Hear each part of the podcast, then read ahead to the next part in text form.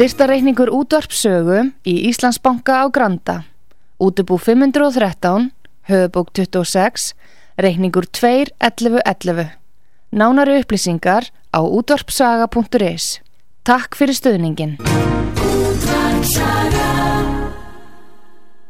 Heimsmálinn í umsjón Artrúðar Kallstóttur fréttir og fréttatengt efni af Erlendum Vettvangi.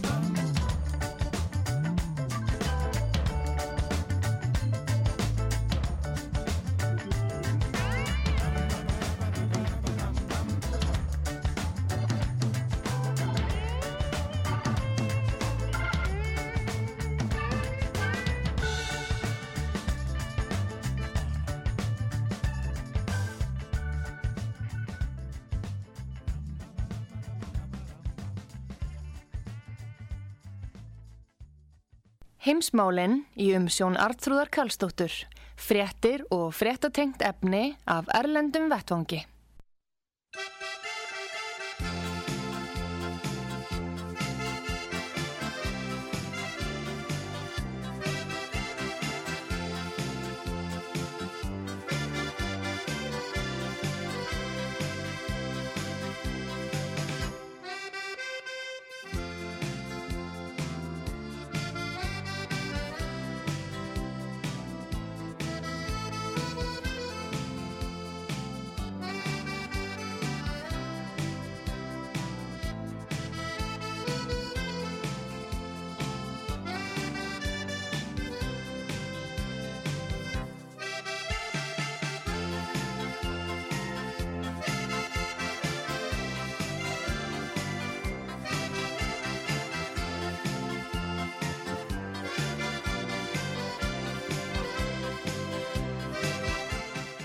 Komið þið sæli þegar hlusta á útvarsögu.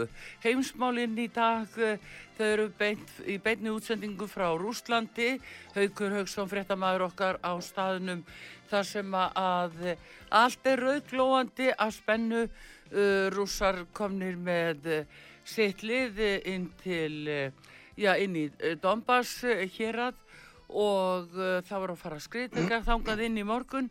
Nú er allt í... í allt í játnum eins og sagt er eh, heimsbyðin að bregðast við og ekki vantar yfirlýsingarnar, viðskiptabann og fleira bóðað og 2 jafnvel lokað og búið að bóða það. En Haugur, góðan dag. Já, kontur sæli Artrúður, blessu sæl og hlustendur sögum. Sæl og blessaður, uh, heyrðu, þessi staða sem er núna uppi, ég held að flesti viti það að, að það uh, skall nú daldið í, í gerðkvöld þegar að Putin ákvað að samþykja sjálfstæði í hérna, þessar tvekja ríka, ríka altså Lukansk og, og, og Donetsk, þannig Aha. að þá fór alltaf stað og menn lísti því yfir að þar með væru, væri innrásinn hafinn og þar með væru rússar að ráðast á Úkrænu. Hver eru viðbröðin í Rúslandi í dag? Hvað segir rúsneskir eh, svona ráðamenn og fjölmilar?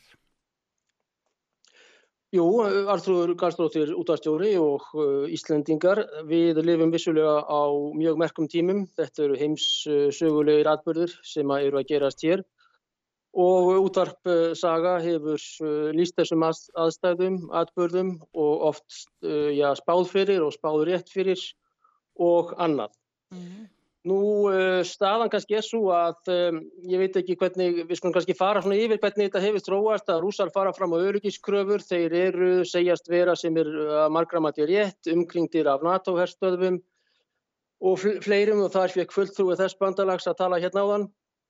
Uh, síðan er byrjað að auglýsa innrás í Rúsland uh, sem sagt, uh, það er náttúrulega styrkþegar sem að þurfa þá að sem sagt að mennir á styrkjum allt í læf í Brussel, en allavega að síðan er, er byrjað að auglýsa marg auglýsta innrás inn í Úkrænu það eru herafingar síðan er flótamannaströymur hingað yfir til Rúslands og svo í gerðkvöldi verða þeir stór atbyrður að rúsneska við sáum reynda frá því að, að komunstaflokkurinn og aðrir hefðu fyrir um tveimur vikum eitthvað svo leiðis lagt það til í dúmunni að þessi þetta er samteikt, það var úr einsta ring þaðan og við vorum líka fyrst með þá, þá frétt og það gerðist síðan.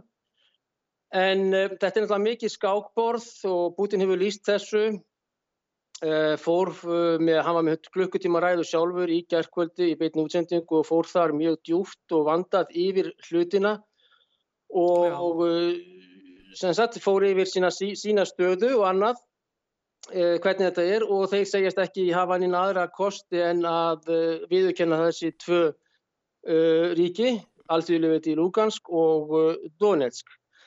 En staðan náttúrulega svo að það er mjög spennt að andrúnsloft og þú segir það fullkomlega réttilega að uh, já, menn náttúrulega er á nálum í, í Brussel og NATO og viðast hvar annar staðar.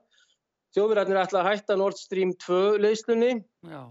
Uh, Selenski, best að taka þann upp þann þráð að ég sagðist ekki vita þegar ég tala við ykkur um daginn. Uh, með Selenski, hann fór hins vegar til München þrátt fyrir það að bætin hefði Uh,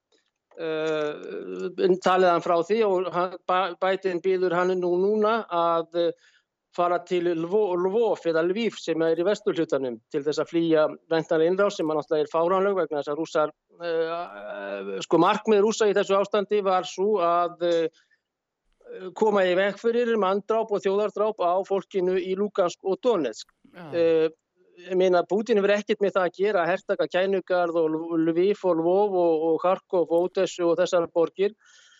Og ég held að sé mjög mikilvægt að leggja áherslu á það sem menn virðast alltaf, alltaf gleymast þeirri staðarind að um er að reyða borgarastyrjöld innan Úkrænu þar sem Úkrænumenn eru að berjast á berast, já, berast á banaspjótum. Þar að segja þeir sem eru ekki sammála stjórnvöldum og stjórnvöldin í kýf sem komast til valda í ólöglegu, kól ólöglegu vopnuðu valdaráni. Eh, þarna hafa látist 14.000 14.000 rússar og úkrænumenn í þessum átökum á þessu átta árum sem þau hafa átt sér stað. Mm -hmm.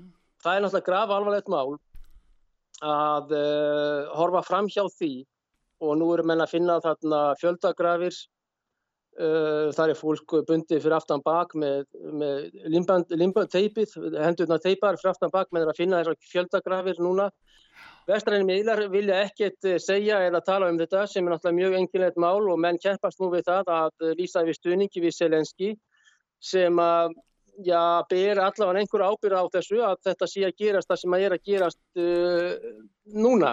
Já. Og Selenski er komin í stuð, hann fór þarna til München eins og ég sagði mm. Og uh, hann... Uh, Þar fer hann inn á þá uh, já, hótun og blackmail kannski ákveðin leitið hvert Európa-sambandinu og vestrænum ríkjum að útgræna geti komið sér upp og eigi í rauninni að kjarnorkuvopnum. Það er að segja að ganga úr Budapest-samkómulæginu frá 1994 það var gert þess efnis að, að, að Úgræna og Kvítarúsland við fallsrávitrikina afsöluðu sér kjarnabyrðunum. Já. Þeir hafa uh, eh, uh, eh, potensial núna í það að vera meiri og sterkari kjarnorkuveldu heldur en Íran og Norður Kórea til samans. Þannig að ef ætla að fá núna kjarnorku uh, veldi með undir stjórnu þessara manna sem eru í Ukraínu er náttúrulega afar hættulegt. Auk þess hafa menn verið að gera mm, ja, diversant er að kalla. Það eru ákveðna sveitir Ukraínu hers sem hafa verið að gera árásir á gas, byrða stöðvar, vatn, vatsból, vatstælur. Það er miljón manns núna án Ramax í Donetsk. Uh, og rúmlega það er ekki gas og ekki vatn í miljóna borg. Og þessar sveitir, uh, hitjusveitir sem sagt, sumra, uh, þær eru að, að hóta því að gera árásir á kjarnorkuver sem, sem eru nokkuð mörg og reyngur starfandi en þá innan Rúslands og innan Ukraínu líka. Vegna þess að menn eru sagt, ósáttur við það að Putin hafi gengið í þetta mál að, að uh, samþykja lífveldin og það sem hann segir, segist sjálfur verið að gera það er það að koma vekk fyrir þjóðarmorð á 14.000 manns fyrir geði. Þetta er hálfa akureyri. Þetta er, hálfa, þetta er, þetta er, þetta er hérna, uh, akur, hún er akureyri 20.000 þannig að þetta er næstu heil akureyri. 14.000 manns. Ertu þá að tala um dónest? Ég tala um þjóðarmorðin eða, eða genocid sem hefur Já. átt sér stað á, á fólkinu í Donetsk. Við getum aðeins tekið Ólafur Scholz, hann eh, fór um, til München og er í München alltaf á heimavelli, þá var hann sín úr reynda frá Hamburg. Mm -hmm. Þar segir Ólafur Scholz, uh, kanslari, rækskansler í dag, hann segir að það sé ridiculous. Það sem að Putin, máli er það að hafa á, á hérna bladamannafundi með Putin í Kreml á eftir þeirra fundi. Já að þá er Sjólds að segja það að út af Júkoslavi hafi verið stopp á genocíti þegar á NATO fyrir þar og bombardirar í þrjá mánuði 90 daga Júkoslavi sundur og saman þar sem að degja um 6-7.000 manns. Mm -hmm. óbreytti borgarar sendir á Kína og annað. Mikið hetjút á því á þessu blessaða bandalagi. Að um, það sést þeir hafi verið að stoppa genocít þá er það gegn serbum eða bosníuserbum eða muslimunum eða króutunum. En, og þetta segir sem sagt Putin að sé ekki rétt hjá Scholz að það sé genocid, þetta er latinaði gríska sem að tíði þjóðarmorð, genus, mm í, í Ukrænu í átta ár með 14.000 fórnarömpum. Síðan fyrir Ólafur Scholz til Münchinar, uh, frægrarborgar og segir síðan þar að byrja þetta saman að segja þessi þjóðarsmorð hérna, í gangi í tónustsvæðinu mm -hmm. er hlægilegt. Hann, notar, hann talar ágætt svennsugreinilega og notar ennska orðið ridiculous, ridiculous sem að þýðir fáránlegt, hlægilegt, eitthvað slíkt. Þetta, þetta, þessi orð uh, kanslarans, kanslara fjóðaríkisins næstu því uh, sem einhverjir rúsar voru komnir með eitthvað álita á og aðrir að hann fór náttúrulega með algjörlega sitt álít í svaðið þar sem að hans forfeður, þar sem að þeir gerðu í Sovjetríkunum var að myrða 27 miljónur manna uh, á svipaðan hátt og þessar fjöldagrafir uh, sem er að finnast frá Pravi Sektor, uh, Azov og fleiri fasistasveitum eru núna að finnast á þessum svæði þarna sögur frá. En að segja þetta kakast rúsum Uh, og þá voru með náttúrulega fréttamenn óæðir, Putin sjálfur vissulega, hann var nú í Þýskalandi, hann ætlaði að koma góðum tangslum við, á milli Þýskalans En svona hetjur og sem sagt, það sem þessi menn er að gera og, og, og, og taktikinn í svona er að segja, gera grín að þjóðarmorði þegar að þjóðverjar gerðu þetta og þegar að úkrænumenn er að stunda þjóðarmorð í rauninni á eigin fólki innan eigin landamæra í borgarastyrjöld sem að er innan Úkrænu. Akkur Já. gleyma menn því að rússar eru utan þessara landamæra ekki fyrir en, ekki fyrir nartrúður í síðustu nótt þegar að Putin skrifar undir plöggin klukkan um uh, 23. tíma, 20 að íslenskum Já, og síðan þá eftir minnætti eitthvað slikt að þá fara þeir með sína menn inn í landið og í rauninni, Já, eh, Arnþrúður, Haukur, það er lí- þetta, þessi stórsök núgræn, þeir eru að stöðva hana. Já, það er líka eitt hérna sko að þetta er þarna í Donbass-héraðunum í, í Donetsk og Lukansk þarna eru rúsnest mælandi fólk sem vill fá að vera rússar. Það, þetta er fólki sem er með rúsnesk vegabref og margir búin að sækja um það og margir bara flúðir yfir til Rúslands.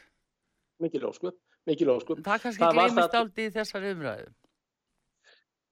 Ég held að vant ákveðlega margt í þessu umræðu. Það er náttúrulega er ákveðin sko mainstream pressa og, og þeir sem eru þarna uh, sem sagt, uh, hvað ég var að segja, uh, já ok, mainstream pressan og því miður að þá eru menn sem að, í rauninni, ef það hefur svona samvískona þá ættu þeir að vera klókari eða sem sagt, kannski meiri mm, sannleiks ástu eða annað í þessu vegna þess að menn eru greinlega Uh, í, með einhverja 30 silfurpenninga, ég veit ekki, en, en það er mainstream pressan er svo, það er viðgóðu, þeir vondu. Málið bara er það að það er þetta valdarán sem er þarna, það er vald, síðan er, er borgarastýrjöld í landinu að, og, og þar er uh, já, þjóðarmór, akkur er þetta ekki þjóðarmór? Ég meina, er þetta undermenns, ætla að svara með því að Ólafur Sjólds kalli menn undermenns í dag? Mm Ég skrifaði þíska sendiherranum hér í Moskvu, harðort brif og hef ekki fengið svar við því ennþá. En sem sagt, ætla menn að bera svona á borð. En þetta er það sem er að þessari lagstjöfnu til dæmis þarna í München sem er svona Global og Klaus, Schwab og Economic Forum er þarna þarna líka og rússarnir eru hættir að mæta þarna. Að þá eru menn að bera svona á borð og fá síðan klapp fyrir. En, en Gagbart Rússum og Putin og rúsnesku þjóðinni sem að heyrir sem sagt svona uh, argument uh, er þetta afar uh, ömulegt og leiðilegt og að MLN ætla líka að fara síðan að vinna saman í já, fríðarmálum í álfunni, í uh, orkumálum og annað, þá er þetta náttúrulega nokkuð sem er, perspektífin er ekki, ekki góð sem sagt með það. En mainstream pressan og um, línan, skulum við segja, á Vesturlöndum, hún er þessi að, að rússur séu sagt, já, vondumennir og ljóti kallin í þessu, að, að Putin þekki ekki sögu og annað, ég minna hann fór hérna mjög vel yfir þessa hluti Já, og annað. Jú, jú, þetta er Og- náttúrulega er- ákveðin, ákveðin uh, áraður, við veitum það nú svo sem alveg, en haugur sko, þetta á sér lengri aðdraðanda alveg frá uh, Bush-stjórnin í Bandaríkjónum uh, til 2008, síðan tekur Obama við, skiluru, og, og það er þessi, sko, vilji þeirra Úkraina gangi inn í NATO, þvert á vilja þjóðverja og frakka. Þannig að það er þessi bandaríska íhlutun í Úkrænu. Hver, hver er skýringin á því? Hvað segja rússar um eins og allar yfirlýsingarna frá Biden og all, öll þessi vopp sem að hann er búin að- flytja inn í Úkrænu núna? Eh, á hverju er, eru hagsmunni svona miklir að hleypa öll í loft upp í Úkrænu? Hver eru Það er bandaríski þannig- hagsmunir? Ég skil þína spurningu Arþrúður en það er nú bara þannig að, að úkrænska þjóðin allt fram, kannski fram að þann dag í dag þegar það búið að uh, dinja þarna á uh, strísáróðurinn og tröllasögurnar að þá uh, var hún fullkomlega á móti því að fara í eitthvað hernaðarbandala gegn rússum. Auðvitað er einhver hluti þjóðurinnar sem að vill þetta en núna hefur áraðurinn gengis um, já, með þessum hætti og það vel að menn menn vilja þetta, en uh, það er þetta utan að komandi öfl og fyrst og fremst er það náttúrulega bandarækjumenn sem að stjórna NATO hafa greiðilega mikil áhrif innan Európusambandsins sjálfs sem sagt, og uh, það er þeirra plan uh, með öllum árum er róið að því að Úgræna verði þetta svæði, þessi anti-Rossía sem að svo, svo kölluð er þegar að landi hefði geta verið miklu, í miklu betri aðstöðum hvað varðar já, samskipti samtal með uh, þessar tvær þjóðir vegna þess að það er mikið af Úgræn, Úgrænumönnum þetta eru mjög líkar, þetta er algjörlega sama þjóðina miklu leiti sem sagt mikið af útgrænumönnum í Rúslandi og, líka rússum innan Úgrænum en þetta hefur gengið mjög vel að, koma þessu þannig upp að, Úgræna verði þetta svæði sem, sagt, sem að hægt verður að nota þá á allan máta gegn rússum og rúsneskum hagsmunum. Og er, já, er að ganga upp uh, með þessu. En það kemur mönnum einhvern veginn ótrúlega mikið á óvart að Putin hafi gengið þess aðgerða morgunna í, gæ- í gæra að, að samþykja þessi viti á, á meðan að það lág algjörlega í loftinu vegna þess að menn hafa þæft uh, bæði Minsk samkúmulagið allt frá 2015 sem er frá februar 2015 Já, og svo líka hafa menn verið að þæfa öryggiskröfur rúsa og ekki svarað einu eða neinu í þeim efnum í rauninni og verið að þæfa um, uh, þóf sem að já, með, með þær kröfur og, og, og Lavrov sendir bréftir Reykjavíkur í lok uh, sem sagt, já, í desember líklega hann Mm. sendir 37 bréf meðal annars til uh, núverandi utalgisráður að lífveldisins og hann fekk ekki nema tvö svör. Ég veit ekki hvort að svari kom frá Reykjavík, en uh, hann sendi 37 bréf til NATO og ríkja og Európa-sambandsríkja og segir að diplomatíðan í þessum löndum sé afar enginlega óvönduð og ósjálfstæð vegna þess að þess, þetta er alltaf ákveðið í bandaríkunum. Núverandi öll í bandaríkunum með Joe Biden í fóristu og Anthony Blinken sem, sem utarikisláðura þau, þau, uh, það, það er bara algjörlega þeirra takmark að taka Úkræni yfir, henni það er fjárstýrt með þennan mann sem að kalla eru skoffín og trúður af almenningi, þetta er bara tilvittun í almenning. en, en Ég er að tala um Sælenski, Sælenski, ég er að tala um Sælenski og hann er hans fyrirvændi atvinna og allt það uh, og hann fyrir alltaf, hann er er alltaf alveg í strengjum, er alltaf, uh, og brú, strengja brúðu strengjónum en hann er alltaf á við ákveðin erfiðleika eitt og allt þetta. En uh, það, það, það maður sér líka á hans uh, hegðun og annað að, að hann uh, er algjörlega uh, já, keittur til þess að gerast þessi leitói til þess að hafa einungis óvinnáttu gegn uh, úkrænumönnum og, og, og rúsum. Já, en þessin er þetta spurningin um hagsmuni og hvað var það nákvæmlega í gærkvöld eða í gær sem var til þessa sem var svona dropin sem fylgdi mælin hjá Putin. Er liggur fyrir svona einhver skýring á því á hverju ákvaðan semst að skrifa undir þetta, dóman var vissulega búin að samþykja það uh, um þetta sjálfstæði þessara alþjóðu lífvelda en uh, sko hvað var það sem að uh, svona var til þess að hann tók þess ákvörðun?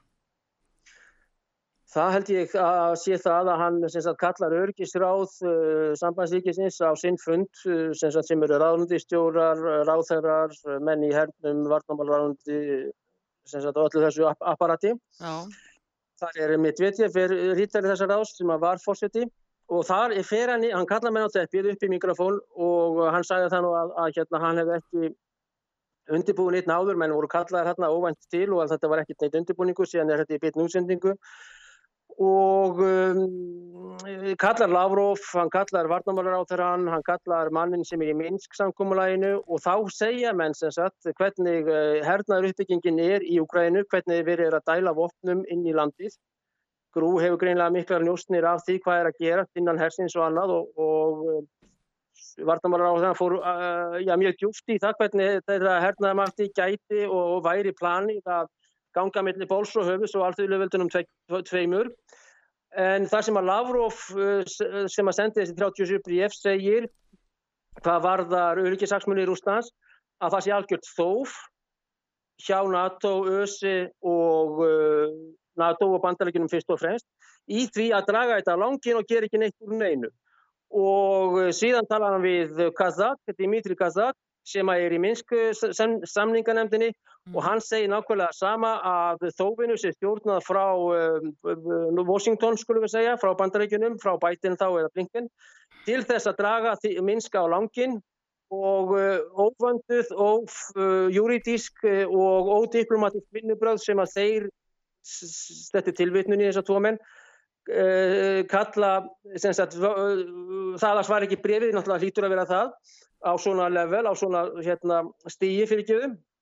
Uh, og þess vegna sé planið hjá mönnum í Ukrænu, hjá Selenski og Hernum og leinithjónustunni STU að ganga millir höfus og bóls og höfus eða blóðbað, það er verðandi blóðbað og þeir tykjast það var sanna það með uh, herra áallun herra ásins til þess að koma í vekk fyrir þetta að sög Pútins og vegna þess að þetta tóf sem er núna búið búið að vera í uh, já, þrjá mánuði uh, líklega um það bíli á allavega, segjum við það að það er ekki að gefa neitt af sér. Minsk samkomulaðið þarfrúður, það er búin að vera í, eh, sem sagt, í eh, 13 ár. Nei hérna byttu í, í sjö ár, sjö ár. já, já, já. Sjö ár, sjö ár, sjö ár, Mm. sem sagt, uh, þetta byrjar 2014 og það ætti nú einhver tími til þess að gera einhverja samninga, til þess að ÖSE myndi nú reyna að rapportera um þessa uh, 14.000 látnu fjöldagræður og annað, ÖSE sem að stjórna er í Vínaborg, gerir það ekki. ÖSE er eitt af þessum fjartýrðu apparátum líka að þeirra sögn, ég, er- ég er bara til við vitna hérna í, þetta var mikill og öflugur fundur og menn þurfa nú að hérna skilja fyrsta leika menn að segja Já, en það er þófið og draga þetta alltaf langinn til þess að gera ekki neitt úr neinu og útvatna þetta. Já. Lavrov notaði vatn, hérna, orðið að útvatna já. og sem sagt við að láta að drepa þetta fólk og svo bara sagt ger, gerði hver um, grein fyrir sínu atkvæði og já og þess aftur þannig var þetta ákveðið þarna í gerkvöldu í Kreml Já, svona í stuttu Þess máli. vegna sko hauku, þetta er spurning um tímasetningu. Við vitum Vissulega. að rástefninu nýri mjög hér núna lögadaginn og Selenski hann ferðanga þvert á, á, á vilja bætin af einhverjum ástæðum eh, og frá rástefninu kemur Selenski og segi, segist vilja sættast við Pútín og Rússa. Vill eh, allt í á lögadaginn eh, gera samkomulag og eitthvað fram á sunnudag. Hvaða upplýsingar fe- fekk Pútín frá þessum fundi á laugardag til e, mánudags til dagsins í gæðir í gegnum leinithjórustuna sem gerir það að verkum hann tekur þessa ákvörðun. Það vita nú þeir sem vilja vita að Pútín er að berjast gegn vestrænum glóbalistum. Hann hefur ekki viljað undirgangast eh, hvorki eh, The Great Reset, eh, New World Order og svo framvegs. Hann hefur ekki viljað fara inn í þá samkundu og hvaða upplýsingar láku út til Putin á þessum eina sólaring? Ha- Hann fær frá FSB eða grúurum, GRU, eða SVFR. SVFR er slúsbaf nýsnýransveti og það er utanríkis upplýsingaþjónustu og utanríkis Já, uh, SVFR, já, uh, um það að uh, menn ætla ekki neitt að, að komast að mót við kröfur og rússana, hvað var það, Minsk samkomalagið, sem ákvæðamenn brjóta og brjóta og brjóta með hjálp þess að ágæta ÖSS, ÖSI, mhm, eða össi, það er, já, 2S kannski, leið, eða eitt er kannski skár. og eh, ég held líka Artur, það sem var ekki, sem var ekki fyrir neðanborðið eða undir teppinu eða, eða baksvist, það er þessi hótun og blackmail sem sagt, hann er að hóta meiri peningum, gefið mér meiri pening ef að Evrópu, annars ætla ég að koma mér upp uh, hérna kjarnorkuvopnum. já, Selenski, þetta- þetta tala um það. Selenski, tala um Selenski í mykjum þarna álega daginn þegar að hann var, eh, fór síðan hann um kvöldu greinilega, Ég- já, hann fer þarna til, til München Já, síðan aftur til Kíf þá er hann að- hóta Európumönnum og fyrst frem- fremst rússum að koma sér upp kjarnorku vopnum. já, Auðvitað er þetta nokkuð sem að, að sagt, leinithjónustur Pútins komast að, rapportira til hans, þannig að þetta uppeyja eða ekki uppeyja, alls ekki, þetta er kannski ekki 45 gráður eða 90 gráður, þessi, harðari afstæða Pútins er tengt þessu og kannski hefur hann líka fengið njóstn af því uh, frá sínum önnum að eh, þessar gríðalegu vopnasendingar til hérna Evrópu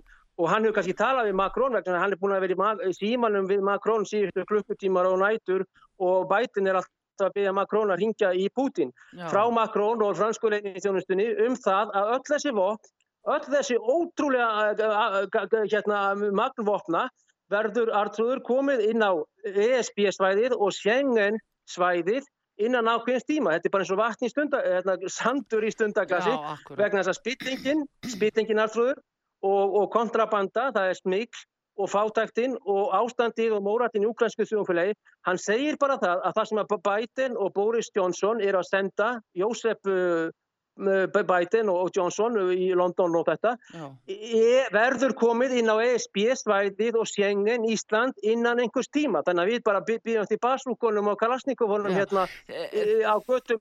Meina, þetta er og þetta það held ég líka eru- Putin hafi skilur Það eru faktist að upplýsingar sem Putin er búin að fá í gær þegar hann tekur þessu ákvörðun.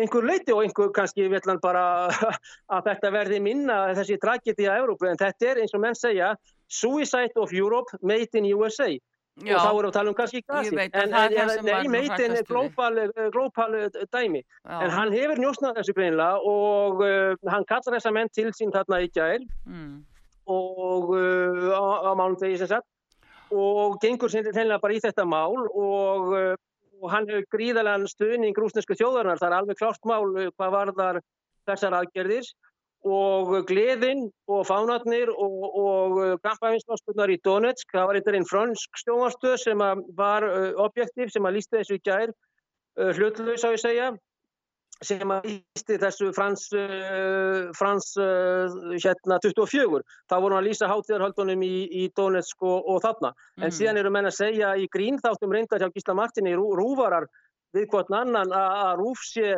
hlutlaus heiðarleg já.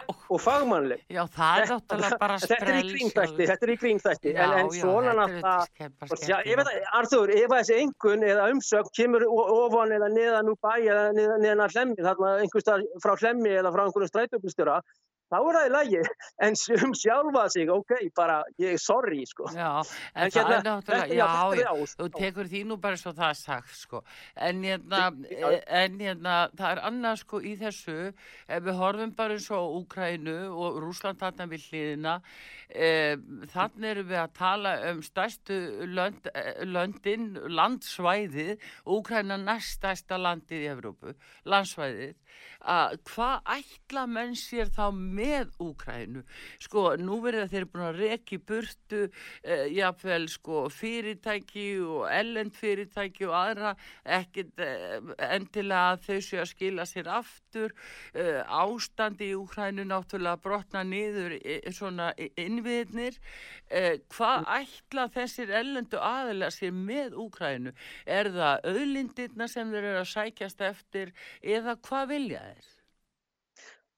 Plan, planið með Úkrænu er ákveðin leiti, ákveðin hérna laboratorium, uh, rannsóknarstofa, alterunastofa og svona uh, músabúr, gegn rúsum, hvað hægt er að komast langt. Þetta gekk upp, uh, valdaráni gekk upp í Úkrænu sem átti síðan að gerast í Minsk í Kvítarúslandi og Sultan uh, á Mata, sem satt í, í eða Astanarindar, hún var flutt sko hérna höfuborg Kazakhstans. Þetta eru menna að koma sér upp, uh, sem sagt Monsanto er bandaríst uh, glæpafyrirtæki sem að vann nú í Vietnam með Agent Orange. Já sem er búið að kaupa upp hérna á alla jörðir í Úkrænu með, með alls konar sagt, uh, og það verið að selja jarðir og jörð í mikill óþögt al, alþjóðumanna og almennings í Úkrænu. Já.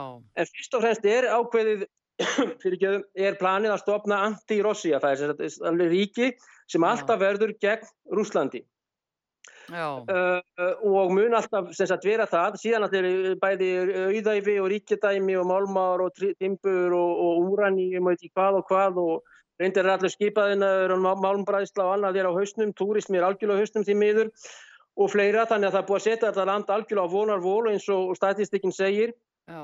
það er Úgræna orðin fátakari heldur en Albaníja og, og, og Moldavia Já. og það er náttúrulega bara mínus árangur per se vegna þess að þetta var land Úgræna per se á sovjítímanum var eitthvað sjötta stærsta efnars eining á eftir Vesturðískland, Ítalið, eh, Spáni, alls ekki Spáni, heldur Breitland í Evrópu sem sagt vegna þess að statistikinn var úkrænska í SSSR þannig að það er að finna þessa statistik. Þannig að hún var mjög öflug bara í, í, í og svo kannski, já ok, en svo náttúrulega var Rúsland lang, langstæst þannig að það er búið að rústa því öllu Þeir voru hérna með flugvélaversmiður, skipa yðnað eins og ég sagði og Já. svo rakettu yðnað sem mann alltaf menn þurfa að hafa áhyggjur af núna sem er kiptur af óbrúknum aðlum og miklu, þessi soviski skóli. En planið með Ukraínu er að, að gera þetta uh, og taka hana fullkomlega yfir. Þetta er svona neoimperialismi full, í fullum gangi.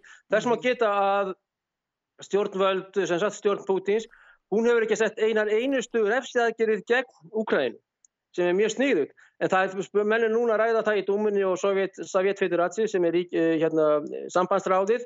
Og já, að byrja núna á að byrja að styrkja alltíðurveldin og setja þess að á efnaðastringanir eða, eða rýta e, einhverja taka og einhverja rundiskiptir til þess að, já, gegn Ukraínu sem að þeir hafa ekki gert gegn þessu algjörlega hérna, óvinna ríki sem, sem er undir þessari stjórn og uh, til dæmis vegna þess að uh, ef að rússar og kvíturússar hætta að senda þarna bensín, ólju, ramak uh, og orkugjafa, gas, já ekki síst gasið, mm. þá er ukrainski herin hreinlega að stoppa fjóruða, fymta sólaring. Já, en munir ekki mitt gera er... það?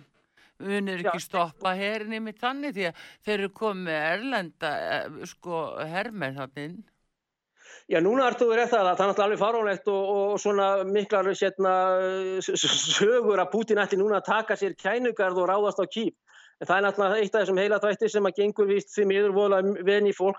Hann hefur bara ekkert nokkur með það að gera. Putin er praktískur maður, hann er skákumadur, hann er núna bara að setja Evropasambandið og bætin nokkur deginn í skákum át allan sem stendur og boltinn vissulega er núna hjá bandaríkjamanum og þeirra undir sátum því miður fyrirgefiði í mörgum höfuborgum Evrópu sem jú, að fá bref og skipanir jú, og það öðrum. eru náttúrulega sko það sem að, að globalistanir hafa nátt tökum á uh, forramönnum þessara ríkja þar sem þeir eru bara komnir inn í eitthvað eitthva, eitthvað kongulof eftir þeir komast ekki út úr jáfnvel og núna er þetta spurningum afleðingar af þessu eins og að Nord Stream 2 lokist og og Sjólds búin að tilkynna það, gerir það í morgun þannig að nú er þetta spurningum áhrif á Evrópuhaukur meðal annars á okkur Íslandinga eh, hvað þetta þýðir að, að, að þeir fá ekki gas frá uh, og, og hérna rúsum og, og hérna ég ætla bara að fá að setja á auðlýsingar og ræða þetta atriði við þig sérstaklega um afleðinga fyrir Evrópu, hvað þýðir þetta á allan yðnað, heimilinn allt venjulegt fólk sem er að borga rammarsreikningi sinn og, og fær ekki rammagn á lagra verði eins og stóð til að fengi. Og við ætlum bara að gera smáli og komum strax aftur. Útvarpsaga í Rúslandi útvarpsaga.is Heimsmálinn í umsjón Artrúðar Kallstóttur, fréttir og fréttatengt efni af Erlendum Vettvangi.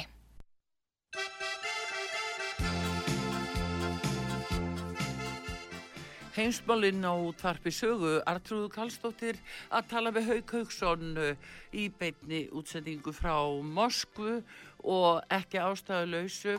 Uh, við ætlum aðeins að skoða áhrifin sem hugsalega gætu orðið af því að uh, nú er búið að ákveða að Nord Stream 2 uh, eh, gasleislan sem er búið að vera í vinslu í síðastlegin sjö ár allavega og er tilbúin vantar bara rétt að setja í samband. Og þá myndu þjóðverjar og fleiri Evrópu þjóðir njóta góðs af og, og fengju hérna ramagn og, og olju á markvallægra verði heldur en þeir búa við í dag. En nú búið komið vef fyrir það með þessu. Það er eh, Þískalands keisari sem tilkynnti þetta í morgun. Kanslari segi en já, já hann er ekki keisari, hann er kanslari. Fjórðaríkisins Já, já, já. vantalega fjórðaríkisins það er verið að undibúa það eila haugur en, en þá segir mér að samaskapi eru menna leika sér að því að eðilegja Evrópu Ég uh, sagði hérna uh, European Suicide Made in USA og þetta er náttúrulega hvort ég fann þetta upp sjálfur eða, eða last þetta já, á ennsku og allt þetta. En þetta náttúrulega er það að, að um, sko sabotas uh, eða skemtaverkastað sem er Európumanna og ég, ég er nú mjög, mjög, mjög, mjög hugleikinn þessi fiskur okkar og miljardarnir sem að við stjórnum nýri klósettið með nýri skagafyrði og allt þetta. Það, hún er sko er náttúrulega afar óheilbrið og óvennuleg og uh, auðvitað hlýtur þessu að vera stjórnað uh, frá einhverjum uh, óþjóðhollum aðilum utan álfunar vegna þess að Anna Petti Berbok sem er til dæmis auðvitaðleikistráður á Tískarnas að hún er núna með hennar nánasti ráðgjöfi heiti Morgan sem er bandarísku ríkisborgari nú hefur verið að gera passa í kvelli sem er frá hérna toppmanniska frá Greenpeace Já. en allavega sem, sem að sumi kalla terroristarsamtök og eitthvað þetta, en allt í læg en það er sem sagt með uh, bara uh, gróðurhúsastarðsemi steipu hérna framleiðslu í, í hérna uh, álver, sementsvinnslu og annað, þá er þetta bara það artrúður að uh, við kannski erum öðruvísi sett en síðan alltaf skrifar uh, maðurinn á bestastöðu myndir orkupakka fjögur og þetta, fimm og þetta og, ok, það er bara planið er það og hann settur í ennbætti til þess og svo reyndar er bara svona bæði vei nýr diplomataskandal vegna hann og Kata voru að senda frá sér í nóttið eitthvað en allavega hvað, voru, hvað voru þau að senda í nótt?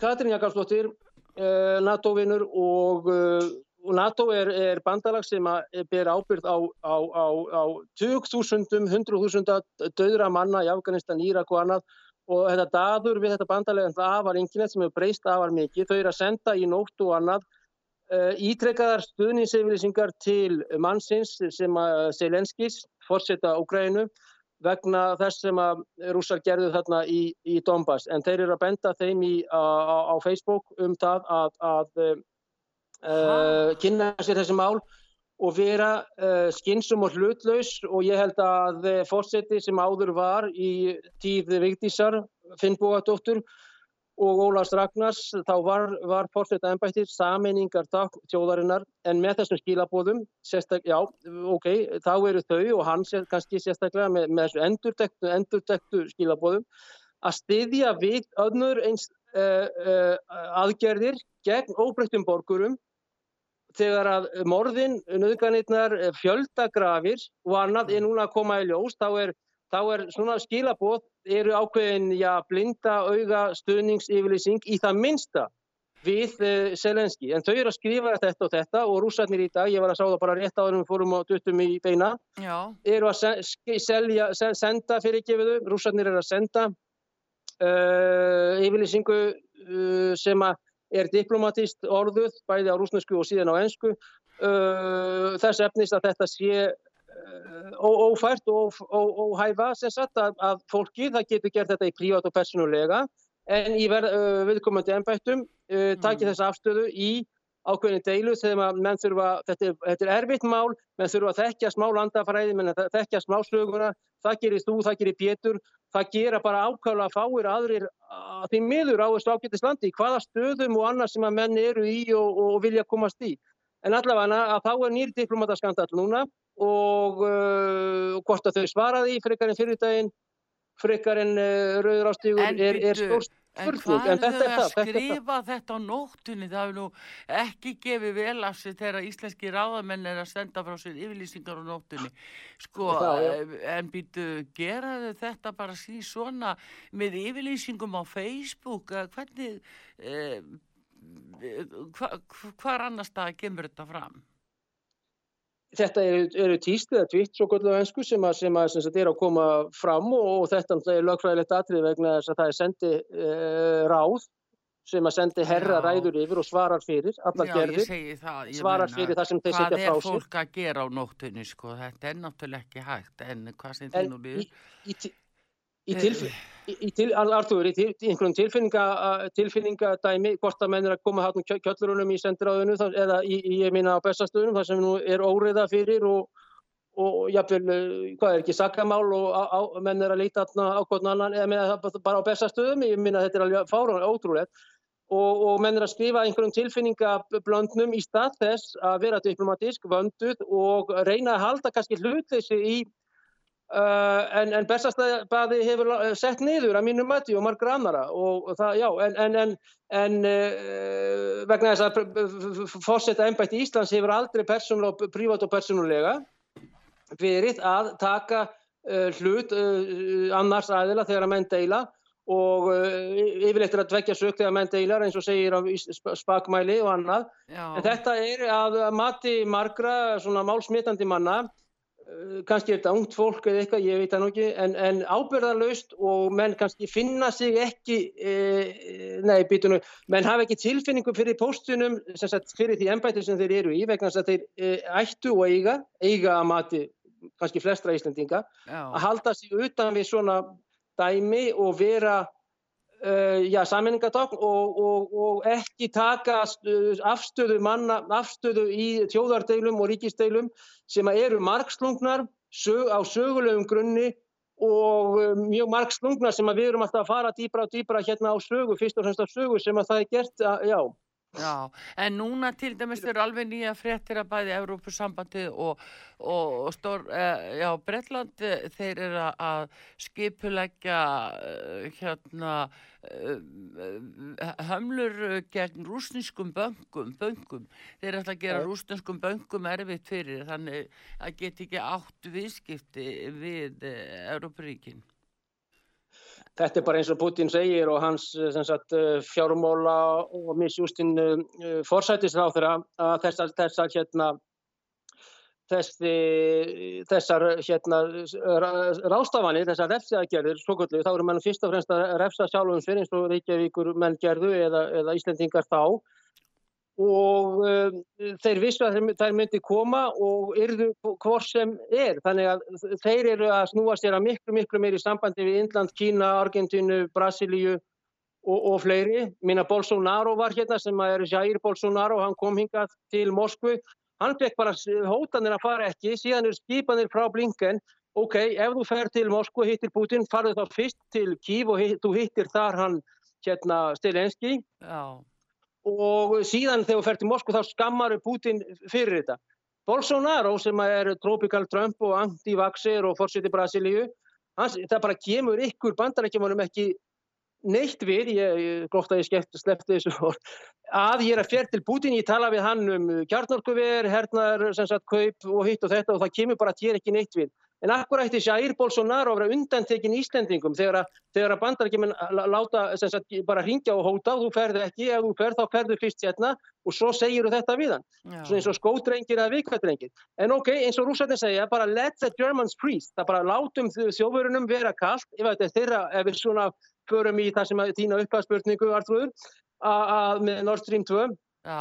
ef að þjóðvörunum vill vera kallt, ef að hérna, Hollandi, Nóri, ja, ok, Danmarku, einhvern smáríkjum, Portugal vilja láta hækka gasi sitt upp í 2000 til 2500 dollara fyrir 1000 fermetra í stað einhverja 300-400 sem, sem að serbarnir, sem að uh, hérna, ungverðarnir er að fá, þá bara er það þeirra vandamál og, og bara, ég, við seljum þetta bara Xi Jinping uh, kaupir þetta og kynverðarnir er ekkert mál.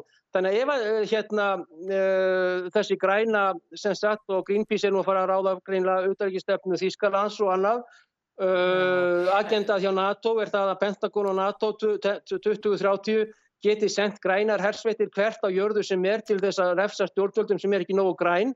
Já. Green Army eða Green Gendarma Já, já, það er það sem þeir ætla Þetta er alveg fárálegt, en bara ef þeir vilja frjósa þá bara er það þeirra val og þeir hafa valið þetta sjálfur og þetta val kom ekkit frá Moskvi eða Minsk eða, eða Russunum eða, eða, eða Beijing skilur þú alltaf Já, en veistu, sko, það er einmitt annað í þessu það er önnur hlið á peringnum þannig að við vitum að, að hverjir hagnast á, á því að, að Nord Stream 2 verður lokað og það til dæmis eitt af því sko eru norðmenn. Þeir náttúrulega, þeir segja að þetta sé bara stórkostlegt tækifæri fyrir þá núna að, að hérna, þetta sé e, náttúrulega þýði það að þeir geti grætt svo mikið og ekki bara selt ódýrara gas heldur miklu, á miklu halra verði.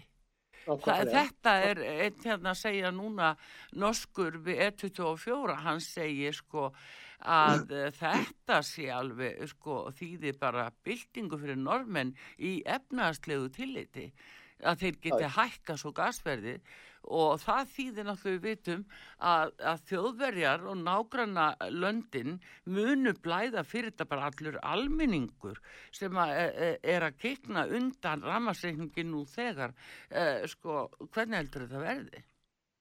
Þetta er alveg, alveg fullkomlega rétti á þér og uh, normer er að selja um 15% inn á Þýskaland, rúsarnir voru með 40-45% inn á Þýskaland, Já. núna eftir þetta þá mingar það og uh, uh, sagt, þetta, þetta dæmi og síðan eru núna spekulantar, þar er þess að spákaupmenn eru fartin að spekulera með gasi vegna þess að Gazprom sem að brefin til dæmis í Gazprom artrúður, þau eru að hækka núna mikið, það er mjög, mjög kannski skrítið en málið er það að þeir eru að gera Uh, sagt, samninga langt, langt fram í tíman eins og hann gerði við Orban 14 ár fram í tíman til Já. 2036 um gas á einhverja 300 dólara fyrir 1000 kubometra fyrir 1000 kuba fyrir 1000 getna rúmmetra. En núna fer það upp í 2200, 2500, 2000 og eitthvað og um, þannig að Gazprom var að selja þá til um, uh, bara Deutsche Wirtschafts eitthvað eða sem sett inn á sína dóttur í, í Þýskalandi, dótturfyrirtæki.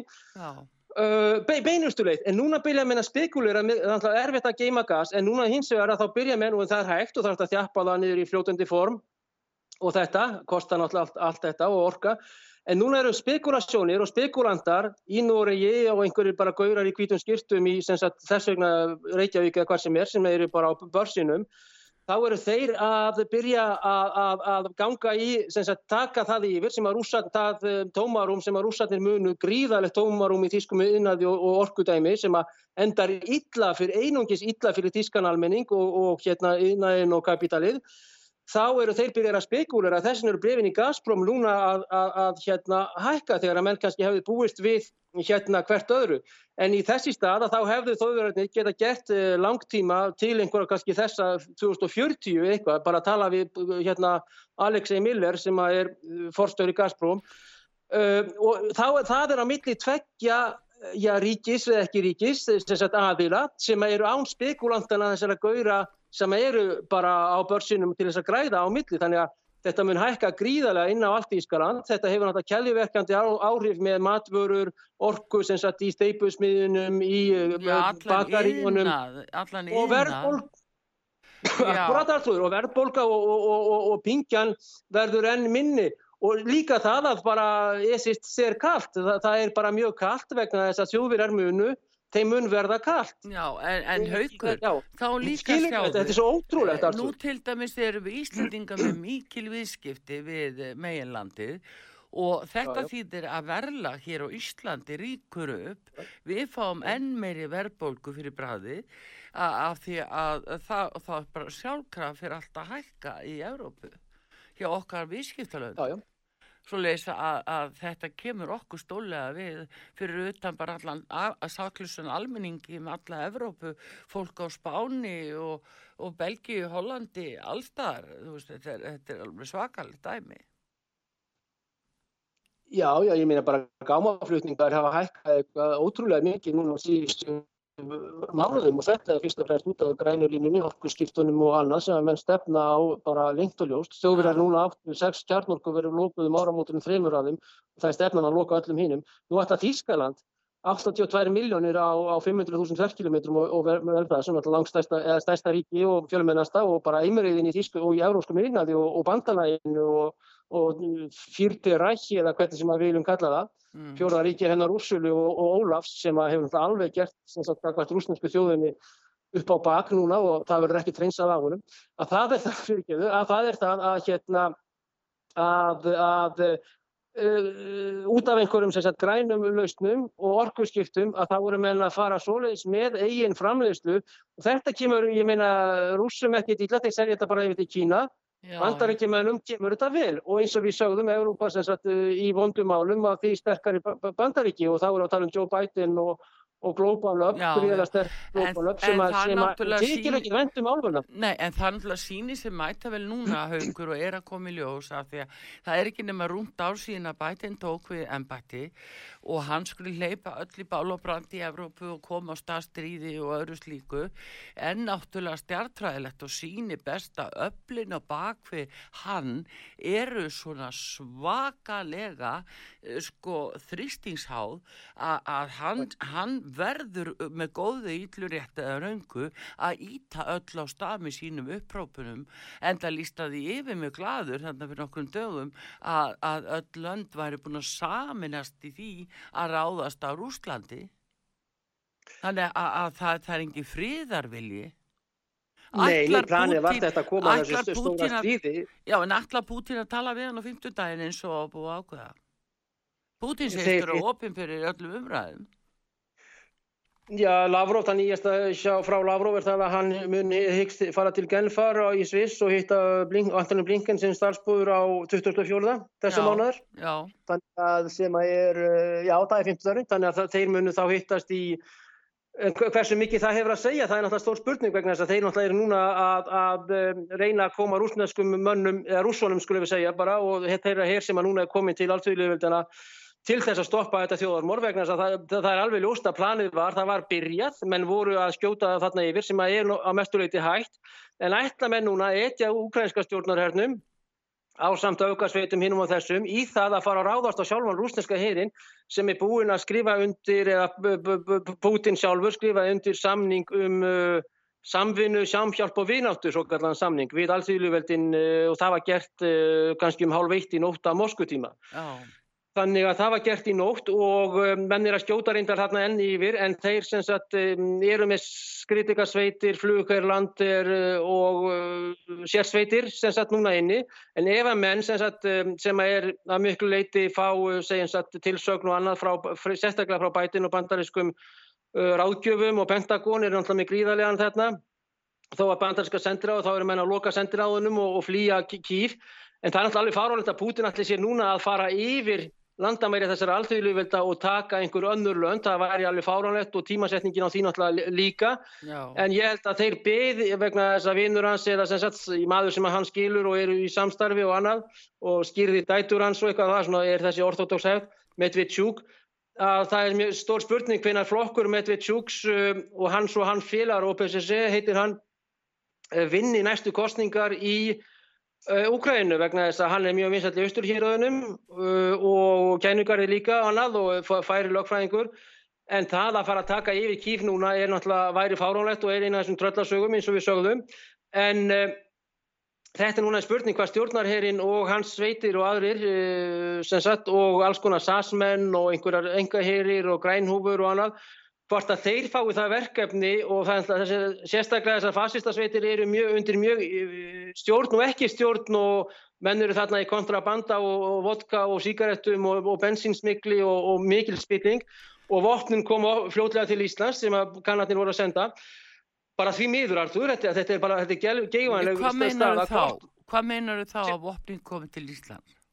Vopnin þarna sem er verið að senda þarna í þvílugum magni, þau fara yfir að sambandsmálin, mm -hmm. dæmið yfir á Schengen svæði síðan og Ísland er náttúrulega í Schengen Já. þannig að, uh, þannig að það eitthvað af þessu sem að, að vopnamarkaðetnir í uh, Jugoslæfinsku lífveldunum í Slovakíu, í Pólandi uh, það eru sterkir vopnamarkaðir hérna svartir og svo er fer það mikið inn á Þískaland og Suður Svíþjóð þar sem að menn er að nota þetta í þessum sprengjum öllum og annað sem að Gustaf vinnur okkar hefur sagt mikið frá og Já. er náttúrulega aldrei sagt í þessari svo kallu pressu sem satt allt þetta. En uh, það að flytja í pörtum eitthvað og þú, þú, þú þarft ekki að sína töskuna einu sinni, þú, þú ferð á milli uh, liggu við Kosovo og Albaníu, reyndar ekki segjum bara Budapest eða eitthvað Prag og þú ert komin á Keflavík sem sagt uh, og ert, það liggur við að þú sért að fara eins og þú sért- að koma út og stræta og hlemmi vegna þess að þú ert innan eins svæðis og það er ekki ja, tolla eftirlítið með afar slökum hætti. Og þegar við Geirjón tölum um þetta þá var voru lauruglumenn á móti þessu þegar hann sagði ágættum maður hann Geirjón í sumar. Þannig Já. að þetta sem er búið að vera að dæla, þetta er bara eins og uh, þú setur, sem sagt, já, það, það bara, þú ert með pott með sjóðandi vatni, þú setur salt onni og eftir einhver tíma þá er það blanda við, þú ert að setja vopnin inn á Úkrænu, síðan fer það inn á Póland og, og kontrabanda sem, sem smikluartningur og síðan er það komið frá Pólandi yfir á Þískaland og síðan bara er eftirspurning þetta með alls konar gengi í gettóunum í sem sagt um, uh, gettóum þessara sem sagt um, upp í breiðolti eða hvernig sem að þú vilt hafa það. Sérstaklega erum að tala um Suðu Svíð og Suðu Frakland þar sem að lögreglan fyrir og hefur yfir stjórn.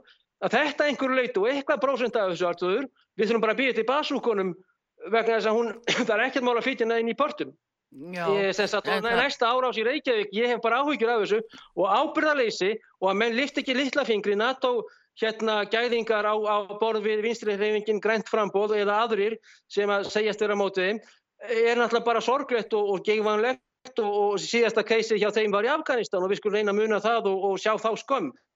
Þannig að, að, að, að ábyrðarleysi eins og við hefum sagt hérna að flytja þetta allt inn á Evrópu, við erum að flytja þetta inn á Evrópusvæðið með Ukraínu, Já. hjá bætun og, og, og, og hérna honum, já, og vinni það er hans í London. er þeir eru að stjórna því hvar bæði stríði fer fram og hva, að hvar áhrifin liggja og þess vegna segi það er áhyggju efni það, hversu mikið og hverju aflegginguna verða fyrir Evrópu, saklus og borgar í Evrópu út af bara lífsgæðum sem að, að munu versna vantarlega fyrir þá sem að vestur settir og, og ítirundi fátakt og fátaktagildrur og við förum ekki Algjörlega. varhluta af því heldur, maður kann þeim enga þakkir, en hins vegar svona síðustu þá eru líka svona þá blikur á lofti um það að vegna þess að óvissu ástans í, í öryggis og, og málum eins og það verður nú kallað, þá vantanlega fær bandarinski herin einhverja aðstöðu hér aftur og, og, og hvað sem barni verður látið heita. Já, já, það verður undir stjórn vinstri reyfingarinnar græns frambóðs sem að það verður núna výbúnaður á keflaugurföðunni. Það er náttúrulega garanti Já, fyrir því að, já. að keflaugustöðum verið sprengt í loft upp þegar, þegar átök byrja. Það voru það einn ein, um, mikilvægasta stöðin aukur ratarstöðvana sem voru hann í hverjum fjórðungi orðið. En rússar hafa eins og ég sagði að þá hafa gefið út á yfirlýsingu Og það er náttúrulega bara áhugju efni líka hvað haugarnir er orðnið sterkir og haugur Haugsson kannski, nei nei, hérna í Moskvu, þetta er náttúrulega grín. Já. En það er það að, að núna hafa þeir sínt mjög öflugar hernaðar takta og eru að styrkja Rúsland enn einu sinni með því fyrsta lagi sem sett tö- tökum við hérna í veitur þegar þeir björguðu uh, Kazakstan undan, með hernaðarbandalæginu mjög, mjög öflur hernaðaraðgjör. Þá settu Rísis og það lið sem átt að taka völdin og voru þarna út úr dópaðir mörg þúsund manns að, að steipa og kveikja í og, og rústa hreinlega og, og bara drápa fólki. Að þar koma rússarnir inn, þá átt að vikja rússarna. Núna er verið að styrkja rússarna enn meira, þannig að hernaðaröflin og herin og, og haugarnir svo kvölduðu sem sagt, þeir verða hérna sterkari alltaf í Rúslandi og það held ég sem sé svolítið áhyggju efni hjá fríðelskandi fólki Já. að veita alltaf rússarna í þessi skák sem að þeir eru að vinna og þeir hafa núna sett NATO nokkurn veginn í allavegna í algjöra pattstöðu Já, en og, og bæði heilaleysi og getuleysi NATOs er núna og NATOs og þeirra manna er núna að koma í ljós. já, en sjáðu þetta er ákveð, sko svona, e, það er ákveðin sín sem hægt er að draga fram. Við sjáum hvað er að gerast í Kanada, það er verið að mistyrma fólki þar alveg miskunnulöst. Þeir setja bara herlög á og segja sér neyðatilviki, tilvik, þetta séu neyðalög. E, þá svo stutti að hini gerir það líka og segi það er neyðar ástand út af strísástandi og þá gerum við það sem okkur sýnist og það er þetta sem að er undistað þess að menn geta búið til fjórðaríki. Það er að setja og ræða, hræða og, og, og loka inni, loka, opna hræða. Þetta er halda fólki alveg máttlausa vóta.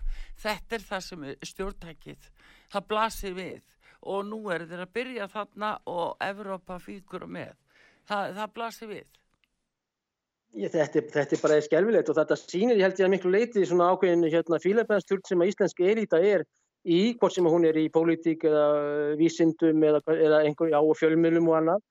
Og líka ákveðin tvískinning og, og þýlindi og hræstni sem að náttúrulega menn eru í vegna þess að það hjá hátvirtri forsætisráþeira og forseta líka. Að horfa fram hjá 14.000 dánu fólki síðustu hérna 8 ár frá 2014, frá marsmánuði eða februar-mars 2014 þá voru 50 manns brend inni af fascistasveitum í Ódessu sem er þriðja stæsta borg uh, hérna úr Ukraínu Já.